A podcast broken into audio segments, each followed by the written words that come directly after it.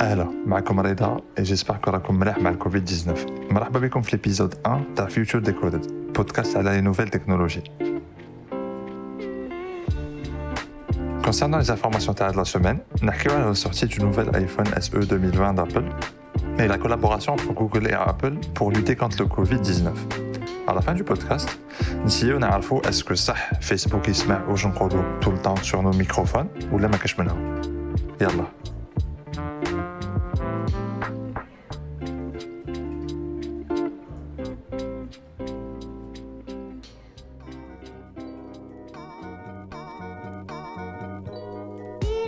Généralement, quand on la sortie d'un nouvel iPhone, on a une bonne batterie, un bon appareil photo et une bonne qualité d'image. Cette la semaine, Apple a la version 2 de l'iPhone SE, SE pour Special Edition. Il est 399 dollars aux USA avec un modèle de base de 64 Go et trois couleurs disponibles, le rouge, le blanc et le noir. Le format de l'iPhone SE 2020 est le même que dans l'iPhone 8, l'iPhone 7, l'iPhone 6S et l'iPhone 6. Apple garde le même format avec le même écran. Mais faites le téléphone, qui le tout nouveau processeur A13, le même qui équipe l'iPhone 11 Pro, donc l'un des meilleurs du marché. Pour rivaliser avec ses concurrents, à savoir Samsung, Huawei ou Xiaomi, Apple garde exactement le même châssis que sur les anciens iPhones. Oui, c'est une formule testée, approuvée par tout le monde, mais cette fois, elle améliore ses caractéristiques pour que ce téléphone soit vraiment intéressant en termes de prix. On verra les chiffres de vente dans les semaines à venir, mais il y a de très très fortes chances que ce soit l'une des meilleures ventes d'Apple en 2020.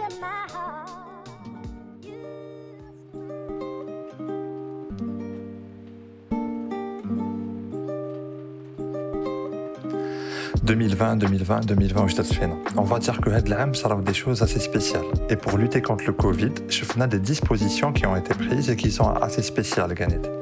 Dernièrement, Apple et Google signaient un partenariat pour créer un système de tracing qui pourrait alerter les gens s'ils ont été exposés au Covid. Comment ça marche? En bref, ils utilisent le Bluetooth LE, basse consommation d'énergie, déjà utilisé pour les montres et les écouteurs. Dans le cas où une deux personnes sont assez proches l'une de l'autre, avec un certain rayon spécifié par les spécialistes du domaine, dans le cas où une l'une d'entre elles est diagnostiquée positive au Covid, elle pourra partager cette information sur l'application. Automatiquement, l'application enverra à toutes les personnes qui ont été proches de cette personne une notification troll il faudra vous faire dépister ou vous mettre en quarantaine. Google et Apple assurent que les données sont totalement anonymes et privées, dans le sens où on ne saura même pas qui a été touché par le Covid. Cette application est purement basée sur le volontariat. Mais si une personne ne veut pas mettre sur l'application qu'elle a été touchée par le Covid, personne ne l'y obligera. La semaine dernière, Google et Apple ont spécifié les règles pour utiliser leur système. Par exemple, l'application doit être développée par un gouvernement, ou même l'interdiction de demander un accès aux services de géolocalisation.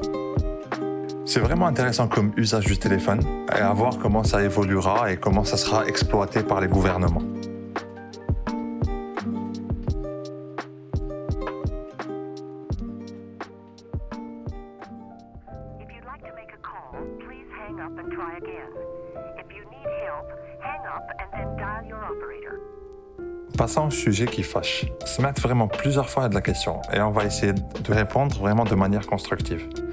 Est-ce que Facebook il se met vraiment toutes nos conversations, même si l'application n'est pas utilisée? Et est-ce que ce système-là permet de cibler des publicités derrière? Avant de lancer le podcast, je me suis pas mal renseigné pour voir les bonnes pratiques et des fois j'en parlais autour de moi, naturellement. Plusieurs fois, le avec des publicités Instagram qui parlaient de ça, de microphones, d'ordinateurs, de cartes son et tout ce qui s'ensuit. Sachant qu'Instagram est géré par Facebook. La question a toujours été démentie par Facebook. Mais la vraie question à se poser, est-ce que c'est techniquement faisable par Facebook? La réponse, oui, oui, largement. C'est vraiment compliqué de mettre en place une écoute de plusieurs milliards de téléphones en même temps et de savoir qui parle pour cibler les publicités après.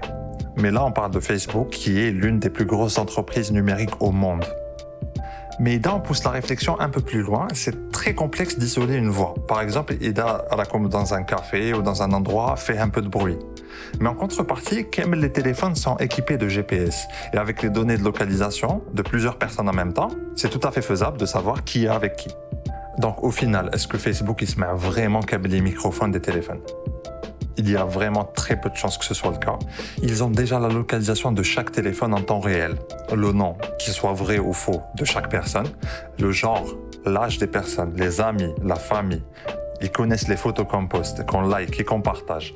Tellement que peu importe ce qu'on dira, Facebook sait déjà quel site on a visité et ce qu'on aime ou ce qu'on déteste. Donc non, ما تقلقوش روحكم فيسبوك ما يسمعش واش ديروا في التليفون ولا واش تحكيو مع اصحابكم لحقنا la fin du podcast, j'espère que عجبكم. Si c'est le cas, n'hésitez pas à le partager avec vos amis et votre famille, ça pourrait vraiment les intéresser. ما تنساوش تتابعونا sur les réseaux sociaux at The Future Decoded. En attendant, à la semaine prochaine.